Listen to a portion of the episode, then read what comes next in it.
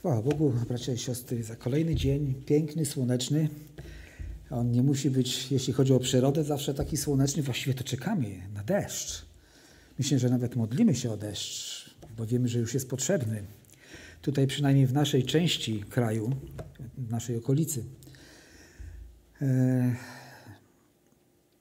a piękny jest również ten dzień, dlatego że Jego łaska trwa na wieki, że Jego słowo się nie zmienia i że On obiecał, gdzie dwóch lub trzech, tam będę pośród nich. Dlatego serdecznie zapraszam do dalszego rozważania pierwszego listu do Tymoteusza. Dzisiaj chciałbym razem z Wami troszeczkę pójść kilka wersetów dalej niż to ostatnio miało miejsce, a więc dzisiaj przede wszystkim zajmiemy się wersetami od 6 do 11, ale chciałbym przeczytać od początku tego rozdziału, czyli od początku szóstego rozdziału pierwszego listu do Tymoteusza do wersetu 11. A niewolnicy, którzy jarzmo noszą, niech uważają panów swoich zagodnych wszelkiej czci, aby imieniu Bożemu i nauce nie bluźniono.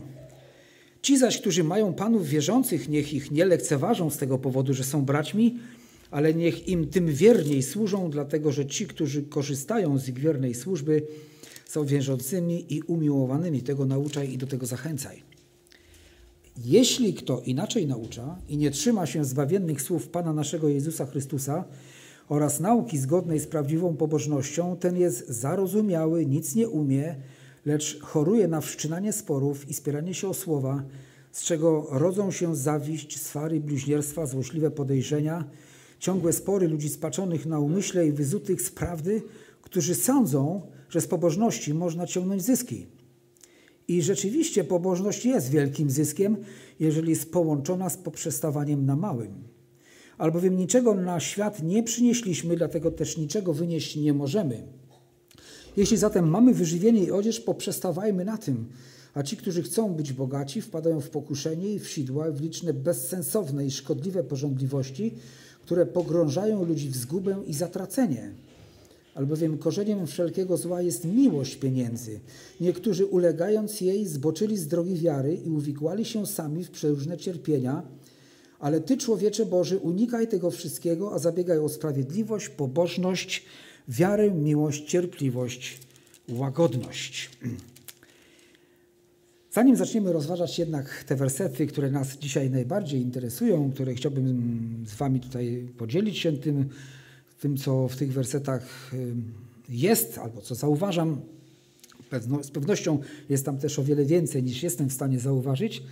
E, warto jest przypomnieć e, pewną no, powód, dla którego został napisany pierwszy list do Tymoteusza. E, warto przypomnieć sobie, dlaczego apostoł Paweł mówi do Tymoteusza pewne rzeczy, dlaczego on nakazuje nauczać pewnych rzeczy i jakie są powody, że pewne rzeczy trzeba znać i jakie to przynosi bezpieczeństwo, jeśli wiemy, w jaki sposób powinniśmy się zachowywać. Otóż powodem, dla którego Tymoteusz został pozostawiony w Efesie było to, co jest zapisane w trzecim rozdziale, w czternastym wersecie i dalej, i tak pisze e, apostoł Paweł do Tymoteusza: Piszę do ciebie w nadziei, że rychło przyjdę do ciebie. Gdyby jednak przyjście moje się odwlokło, to masz wiedzieć, jak należy postępować w domu Bożym, który jest kościołem Boga żywego, filarem i podwaliną prawdy. I to jest powód, dla którego zapisane są wszystkie inne słowa w tym liście, czy przed, czy po. Tam zawarte jest nauczanie, a też ostrzeżenia przed pewnymi rzeczami, zagrożeniami dla Kościoła i pouczenia, jak należy postępować, y, żeby była to bezpieczna droga i przynosiła błogosławieństwo. A więc zostały zapisane słowa, których naucza Duch Święty, które nauczał Pan Jezus. Apostołowie je tylko przełożyli, czy też y, rozwinęli w natchnieniu Bożego Ducha. Otóż jakie zagrożenia były, to też warto sobie przypomnieć. Na początku w pierwszym rozdziale czytaliśmy, że byli ludzie, którzy nauczali inaczej, to nie znaczy niezgodny z prawdą Ewangelii. I oni zajmowali się baśniami, niekończącymi się rodowodami, które przeważnie wywołały spory, a nie służyły dziełu zbawienia Bożego. I po, później w siódmym wersecie czytamy, że chcą oni być nauczycielami zakonu, a nie rozumieją należycie ani tego, co mówią, ani tego, co twierdzą. A więc mówili coś, czego do końca sami nie rozumieli. E, jeśli nie rozumieli, siłą rzeczy narażeli byli na fałsz. A więc to było to pierwsze zagrożenie, z powodu którego e, apostoł Paweł Tymoteusza zostawił w Efezie, żeby te sprawy uporządkować.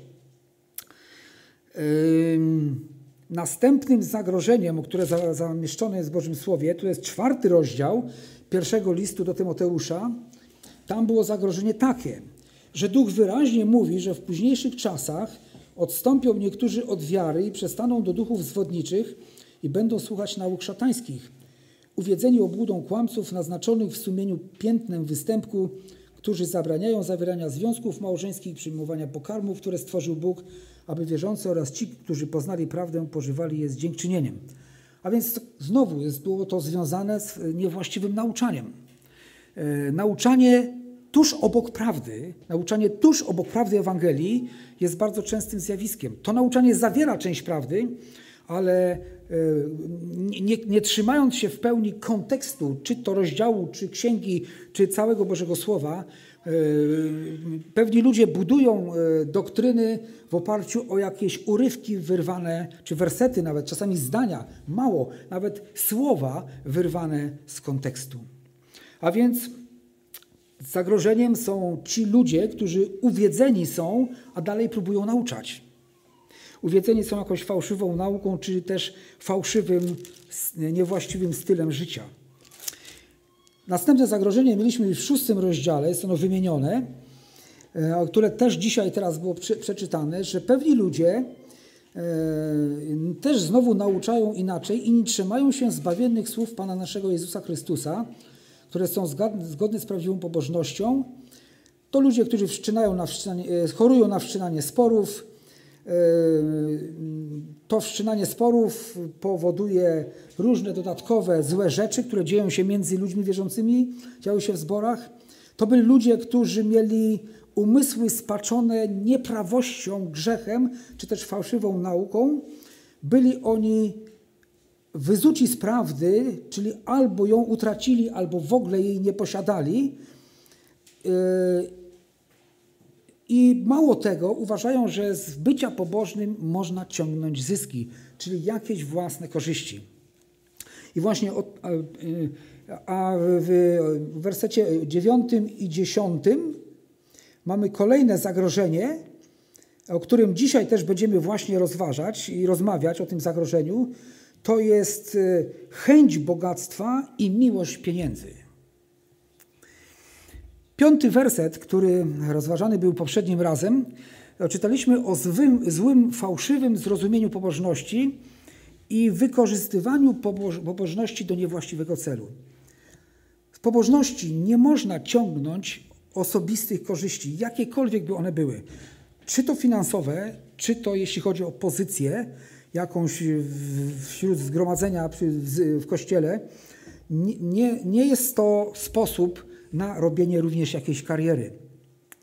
W szóstym werset kieruje nas do pobożności połączonej z poprzestawaniem na małym, i tu po prostu yy, czytamy, że nie ma miejsca na pewien sukces czy na jakąś korzyść.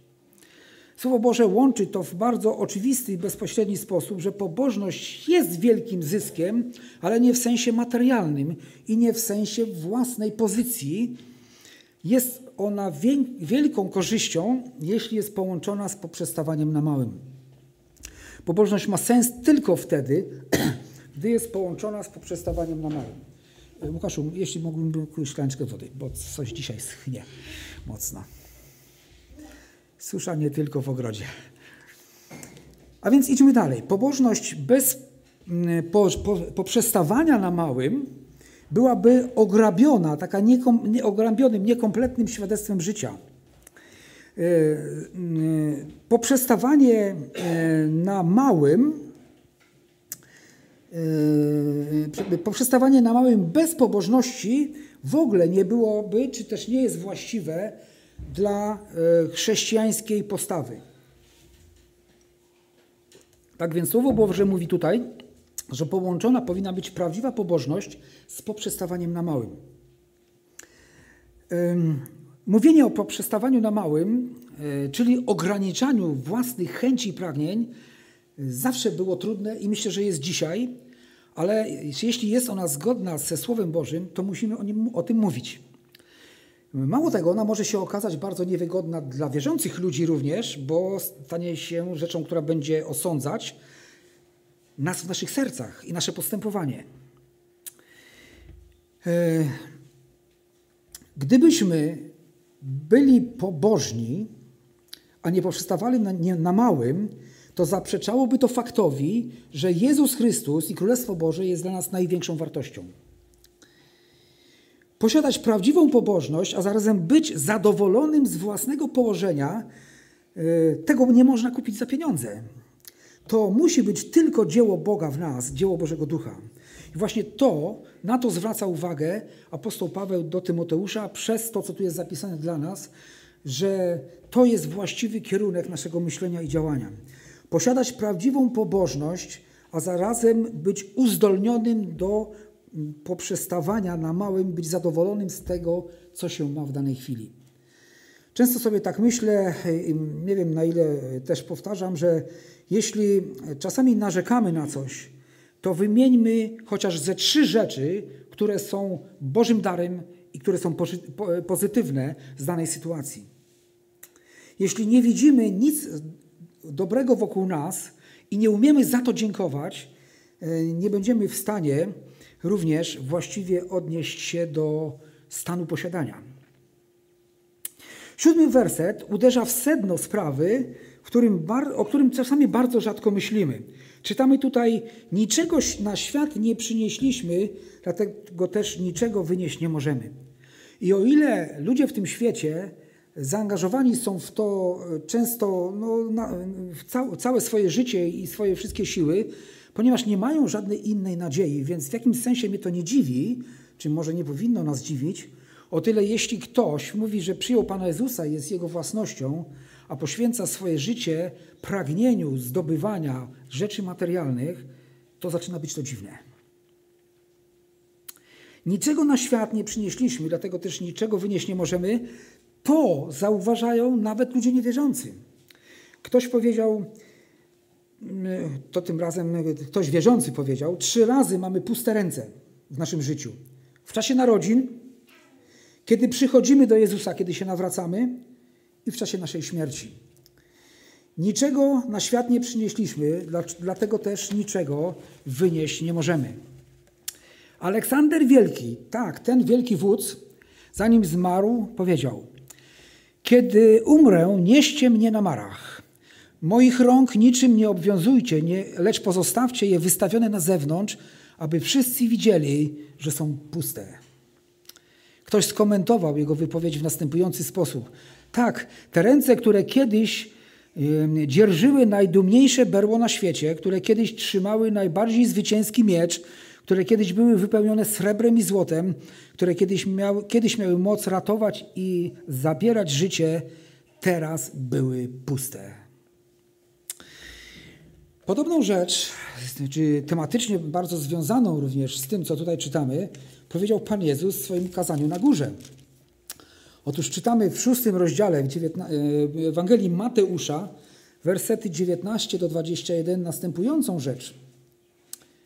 Nie gromadźcie sobie skarbów na ziemi, gdzie mól i rdza niszczy i gdzie złodzieje podkopują i kradną, ale gromadźcie sobie skarby w niebie, gdzie ani mól, ani rdza nie niszczą gdzie złodzieje nie podkopują i nie kradną, albowiem gdzie jest skarb Twój, tam będzie i serce Twoje. Tak więc mamy dwa polecenia, Pierwsze, nie gromadźcie sobie skarbów na tej ziemi, ponieważ one są zagrożone i to nie jest pewne, że one się nas utrzymają. Po drugie, mamy polecenie gromadzić skarby w niebie, bo tam nic z tych ziemskich zagrożeń nie czyha na te skarby. Pan Bóg je zachowuje w swoich skarbcach. Między innymi czytamy w objawieniu, że tam był kielich pełen modlitw świętych. To jest skarb, który możemy gromadzić w niebie. Nasze modlitwy zanoszone do Boga. I jest też informacja dla nas. Tam jest Twoje serce, gdzie jest Twój skarb. A więc gdzie jest Twój skarb, tam jest Twoje serce. Przyjrzyjmy się, przyjrzyj się w ciągu dnia, tygodnia, jakie rzeczy mają dla ciebie większą wartość od innych i stwierdzisz, gdzie jest twój skarb. Ciekawe doświadczenie, warto to zrobić, aby przyjrzeć się, jakim jestem chrześcijaninem w praktyce. Bo my zboże to jesteśmy zawsze na właściwym miejscu, czy prawie zawsze. Nie zawsze też się to udaje, ale tak na co dzień, w tych codziennych sprawach, co jest dla mnie priorytetem, na co zawsze mam czas, a na co z wysiłkiem poświęcam czasu i to tak w ostateczności, a też nie zawsze. Ok, idźmy dalej. Ósmy werset mówi, że poprzestawanie na małym oznacza zaspokajanie podstawowych potrzeb. Nasz niebiański Ojciec wie, że potrzebujemy wyżywienia, okrycia, obiecał to zapewnić. I znowu w kazaniu na górze Pan Jezus to zapewnia. E, w szóstym rozdziale również tej samej księgi Ewangelii Mateusza, w wersetach od 31. Nie troszcie się o nic i nie mówcie, co będziemy jeść, albo co będziemy pić, albo czym będziemy się przyodziewać. Bo tego wszystkiego poganie szukają, albowiem Ojciec Wasz Niebieski wie, że tego wszystkiego potrzebujecie. Ale szukajcie najpierw Królestwa Bożego i sprawiedliwości Jego, a wszystko inne będzie Wam dodane. Chyba znamy dobrze ten werset. Śpiewamy ten werset? Pytanie brzmi, ale czy Ty wierzysz w ten werset? Czy praktykujemy ten werset? To, że większość życia człowieka niewierzącego obraca się wokół wyżywienia, odzieży, wydaje się zrozumiałe. Nie, nie, mają jakichś, nie znają prawdziwych, wiecznych wartości. Choć i tam wiele czasami jest rozsądku i rozwagi, której czasami wydaje się, że brakuje tym, którzy przyznają się do swojej wiary w Chrystusa. Ale chrześcijanom Chrystus wskazał inną, lepszą drogę. Powinniśmy najpierw szukać Królestwa Bożego, Jego sprawiedliwości, a Bóg zatroszczy się o to, by nie zabrakło nam rzeczy, które potrzebne są w naszym życiu, a o których On wie. Jeden z misjonarzy, nie wiem czy to nie był Hudson Taylor, kiedy przez wiele lat przygotowywał się do służby misyjnej i on chyba wyjechał do Chin później, E, I on był ktoś, kto powiedział, że będzie go sponsorował, że będzie go wspomagał. Kiedyś to może się nie nazywał sponsor, jakiś tam mecenas, który, który po prostu finansował. I Hudson Taylor postanowił nigdy nie upominać się o zapłatę. I największe doświadczenie, jakie przeżył, to kiedy zabrakło mu pieniędzy i był prawie śmiertelnie chory. Również nie wysłał telegramu, bracie, obiecałeś, daj. Dał Pan Bóg we właściwym czasie, ale po, po takiej dość poważnej próbie i, i, chorobie, którą musiał przejść. A więc yy, co jest tą największą wartością? Yy, Bóg zatroszczy się o to i czy my na, jesteśmy, czy ja w to wierzę? Czy, czy to naprawdę jest tak, że ja uważam, że Pan Bóg jest godny zaufania?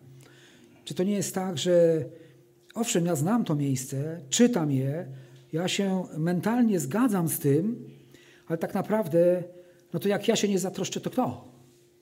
No oczywiście nie chodzi tu o to, żeby nie iść do pracy, e, nie, wstać, e, nie, nie, nie, nie zrobić tego, co trzeba zrobić, e, żeby wejść na słup, jak był taki Szymon Słupnik, który dziesiątki lat przesiedział na słupie i mu tam przynosili jedzenie, bo był, chciał być bliżej Boga, to przecież nie o to chodzi. E, rozważając e, list do Tytusa, ostatnio czytaliśmy, że mamy sprawiedliwie i pobożnie żyć na tym świecie. A więc nie na słupie, tylko wśród ludzi, wśród tego świata, który żyje własnymi wartościami, my mamy praktykować Boże wartości. Tak, rzeczywiście to jest tak i czasami w moim życiu, może zbyt często, że czasu do czasu uświadamiam sobie głębiej to, co powiedział Pan Jezus, że jeśli będziemy szukać najpierw Królestwa Bożego, Jego sprawiedliwości, to Bóg przyda nam resztę. A zbyt czas, zadaję sobie pytanie, czy to aż, aż tak trudne, żeby o tym pamiętać ciągle. W naszym tekście to słowo, które jest przetłumaczone jako odzież, oznacza okrycie nie tylko samego ciała, ale może być też tłumaczone czy też zrozumiane jako miejsce zamieszkania Więc okrycie nie tylko ciała, ale również okrycie, czyli to, co my mówimy, dach nad głową. Więc tutaj czytamy, że yy, yy, czytając w naszym tekście, który rozważamy, yy, jesteśmy w wersecie ósmym. Jeśli zatem mamy wyżywienie i odzież, poprzestawajmy na tym, to słowo e, oznaczać może nie tylko szaty, ale również ubranie, ale również dach nad głową.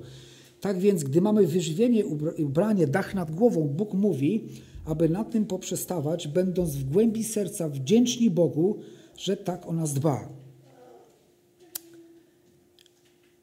Czy nie wydaje się czasami naszemu rozumowi, że to jest przesada? Pytam tak wprost. Czy to nie jest czasami tak, że nasze ciało mówi, to aż tak? Zaufać Bogu? Ale tak mówi Boże Słowo. Mówi, że prawdziwa pobożność jest, ma wartość i zysk wtedy, jeśli umiemy poprzestawać na małym.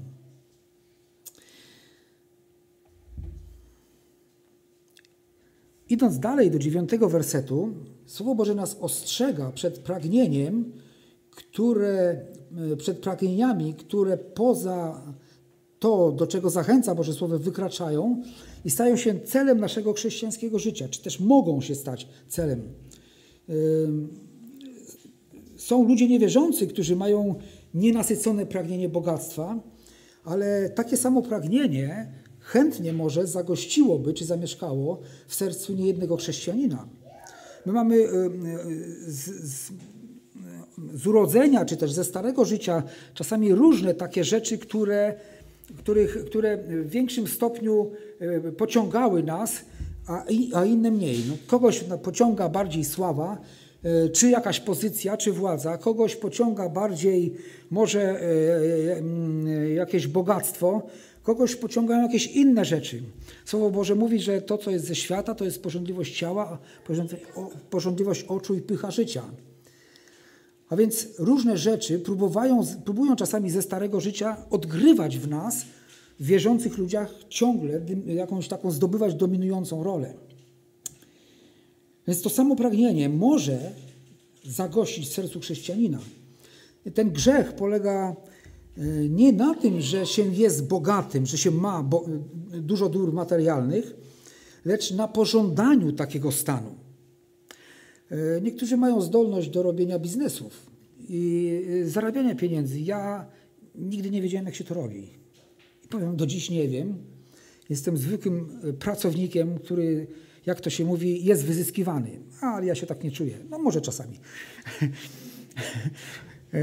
Więc rzecz w tym, czego pragniemy jako chrześcijanie, nie? czego tak naprawdę pragniemy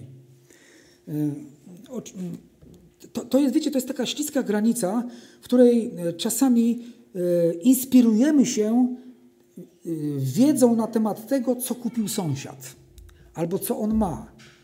O, a on ma, a on kupił, a u niego jest to, a czego tego nie ma u mnie. I to jest moment, w którym może zrodzić się pożądanie, ja muszę też to, na to zapracować, zdobyć, nieważne zresztą jak. Ale o tym jeszcze za chwileczkę tutaj E, powiemy, jakie to rzeczy pojawiają się, kiedy rządza mm, pragnienie posiadania i zdobywania, jakie to rzeczy może, jakie spustoszenie może uczynić też w sercu człowieka, także nawet wierzącego. Ci, którzy chcą być bogaci, to ludzie, którzy nie poprzestają na jedzeniu, ubraniu i mieszkaniu, lecz są zdeterminowani, czyli całkowicie zdecydowani na to, by mieć więcej. Zamiast szukać najpierw Królestwa Bożego i Jego sprawiedliwości, szukają najpierw ziemskiego bogactwa, a Królestwo Boże w wolnej chwili, jak się uda. Pragnienie bycia bogatym prowadzi w człowieka w pokuszenie.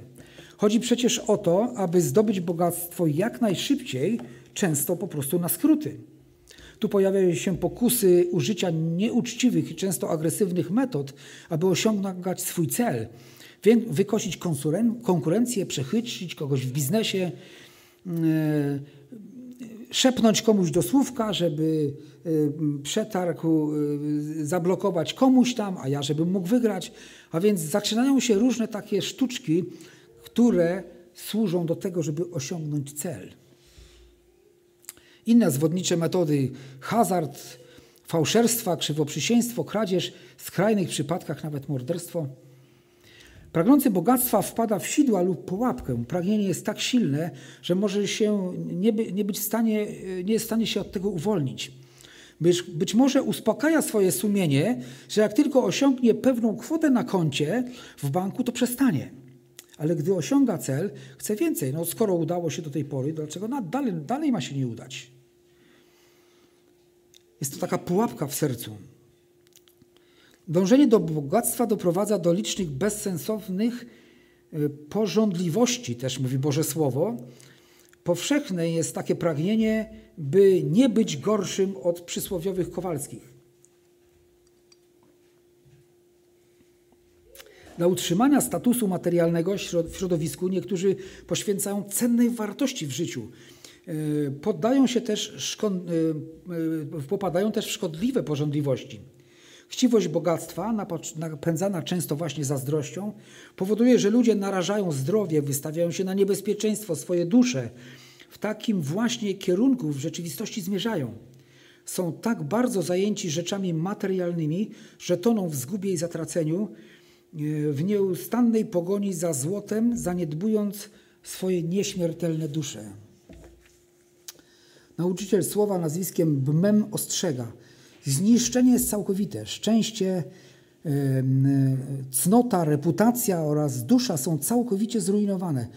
Wszechwładne pragnienie bycia bogatym prowadzi do szeregu szalonych rzeczy, które rujnują wszystko w teraźniejszości i w przyszłości. Jakżeż wielu zostało w ten sposób zniszczonych.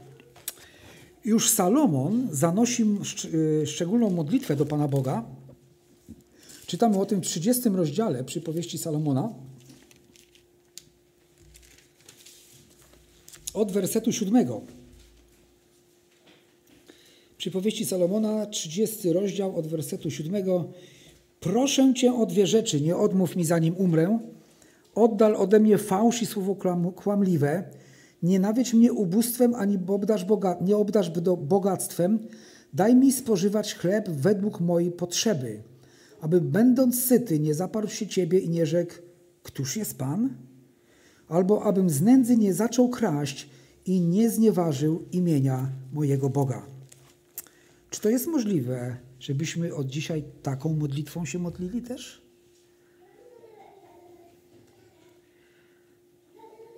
Zachęcam. Dziesiąty werset stwierdza, że korzeniem wszelkiego zła jest miłość pieniędzy. Oczywiście jest tak, że nie każde zło we wszechświecie jest spowodowane miłością do pieniędzy. To też wiemy. E, rządza wiedzy, różne pragnienia serca i ciała również prowadzą do grzechów. Jednak z całą pewnością jest to wielkie źródło różnorodnego zła. Miłość pieniędzy prowadzi nas na przykład do zazdrości, walki, kradzieży, nieszczerości, niepowściągliwości, porzeczenia Boga, egoizmu, defraudacji itd. Słowo nie mówi tutaj o samych pieniądzach jako o tym, że jest to złe. Pieniądz jest rzeczą neutralną jako pieniądz. I wiemy, że pieniądz y, był potrzebny i w Starym Testamencie, i w Nowym również był używany. Że Słowo Boże mówi tutaj właśnie nie o samych pieniądzach, tylko o miłości do pieniędzy. Czy miłości, tu mówię, czy jest użyte określenie miłość pieniędzy. Pieniądze mogą być na wiele sposobów wykorzystane dla chwały Bożej i tak się też dzieje. Czytamy tutaj o przesadnym pragnieniu pieniędzy jako nadrzędnej wartości, która prowadzi do grzechu, w końcu do zawstydzenia. To konkretne zło wynikające z miłości do pieniędzy to zejście czy zboczenie z drogi wiary. Czytamy albowiem, korzeniem wszelkiego zła jest miłość pieniędzy. Niektórzy ulegając jej zboczyli z drogi wiary i uwikłali się sami w przeróżne cierpienia. w szalonej pogoni za pieniądzem, złotem, ludzie zaniedbują rzeczy duchowe. W pewnym momencie jest nawet trudno już powiedzieć, czy oni w ogóle byli zbawieni, czy są, albo czy są zbawieni. Tak ich życie przestaje się mało różnić od stylu tego świata.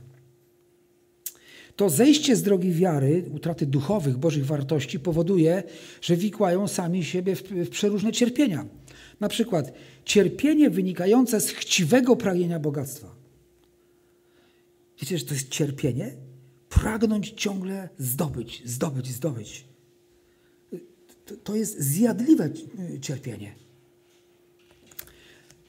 Albo tragedia zmarnowanego życia, kiedy w końcu stanie się z bogactwem tak, jak też mówi Salomon, że jak na nie skierujesz swój wzrok, to ono znika. Jak myślisz, że już je masz, to ono ci się wymyka. I w końcu, na końcu życia stwierdzasz, zmarnowałem swoje życie na głupoty, których nie wezmę za sobą na tamtą stronę. Smutek spowodowany odejściem dzieci do świata, które widzą, że żyjesz po świecku, więc poszły do świata, bo wydało im się to atrakcyjniejsze. Oczywiście nie zawsze tak jest. Nie zawsze to jest powodem odejścia dzieci do świata. Smutek utraty całego bogactwa w ciągu jednej nocy. Przecież tak też bywało. Strach przed spotkaniem z Bogiem w niezbawionym stanie, a przynajmniej z pustymi rękami. Nauczyciel słowa nazwiskiem Ryle tak podsumowuje tą kwestię. Prawdziwe, prawdziwie pieniądze są jedną z, z tych rzeczy, z których zawsze jesteśmy najbardziej niezadowoleni. Bez wątpienia odejmują nam, e, odejmują nam pewnych trosk, ale przynoszą ich ze sobą co najmniej tyle, ile zabierają. Trudno je zdobyć, problem je utrzymać, wykorzystanie z nich wiąże się z pokusami, nadużycie ich powoduje poczucie winy, utrata ich prowadzi do rozpaczy, a zarządzanie nimi to prawdziwy dylemat. Dwie trzecie wszystkich walk, kłótni i procesów sądowych na świecie bierze się z tego jednego prostego powodu z pieniędzy. Jedenasty werset natomiast wyprowadza nas na wolność z dylematu pieniędzy i presji bogactwa. To słowo jest pierwotnie skierowane oczywiście do Tymoteusza, ale zostało zapisane dla naszego pouczenia, ponieważ wiemy, że wszystko, co w Słowie Bożym jest zapisane, jest dla naszego pouczenia. I tu czytamy tak, ale Ty, człowiecze Boży, unikaj tego. Unikaj tego wszystkiego. Człowiek Boży. Człowiek Boży to należący do Boga, takim był Tymoteusz. Służący Bogu, takim był Tymoteusz powołany do wykonywania Bożych dzieł. Takim był to Moteusz. Takim był, ale czy również to nie jest wola Boża dla mnie i dla Ciebie? Jeśli należymy do Boga, przyjęliśmy Jezusa, jesteśmy Jego własnością. Nie do siebie samych należymy. Jesteśmy, nasze ciała są świątynią Ducha Świętego. Jeśli Go przyjęliśmy, staliśmy się sługami Bożymi, a więc tym samym powołani do tego, żeby wykonywać Boże dzieła. Tak więc to jest Słowo Boże również do mnie i do Ciebie. Ale Ty, człowiecze Boży, unikaj tego wszystkiego, tak jak Tymoteusz skłaniał się ku Bogu, jego, ku Bogu i Jego sprawom, tak y, i, i zachęcał do tego innych, y, wywyższamy Go również w naszym sercu i w zgromadzeniu. Tak jak Tymoteusz chcemy unikać tego wszystkiego, co może nas oddzielić od Pana Jezusa i zasmucać Bożego Ducha. Tak jak Tymoteusz powinniśmy unikać zarozumiałości, która jest wymieniona w czwartym wersecie, w szóstym rozdziale, nieczystości, wymienionej w piątym wersecie, ducha niezadowolenia, wersety 6-8, bezsensownych i szkodliwych porządliwości, werset 9 oraz miłości do pieniędzy, werset 10. Powinniśmy rozwijać w sobie chrześcijański charakter. Jedyną rzecz, którą zabierzemy na tamtą stronę.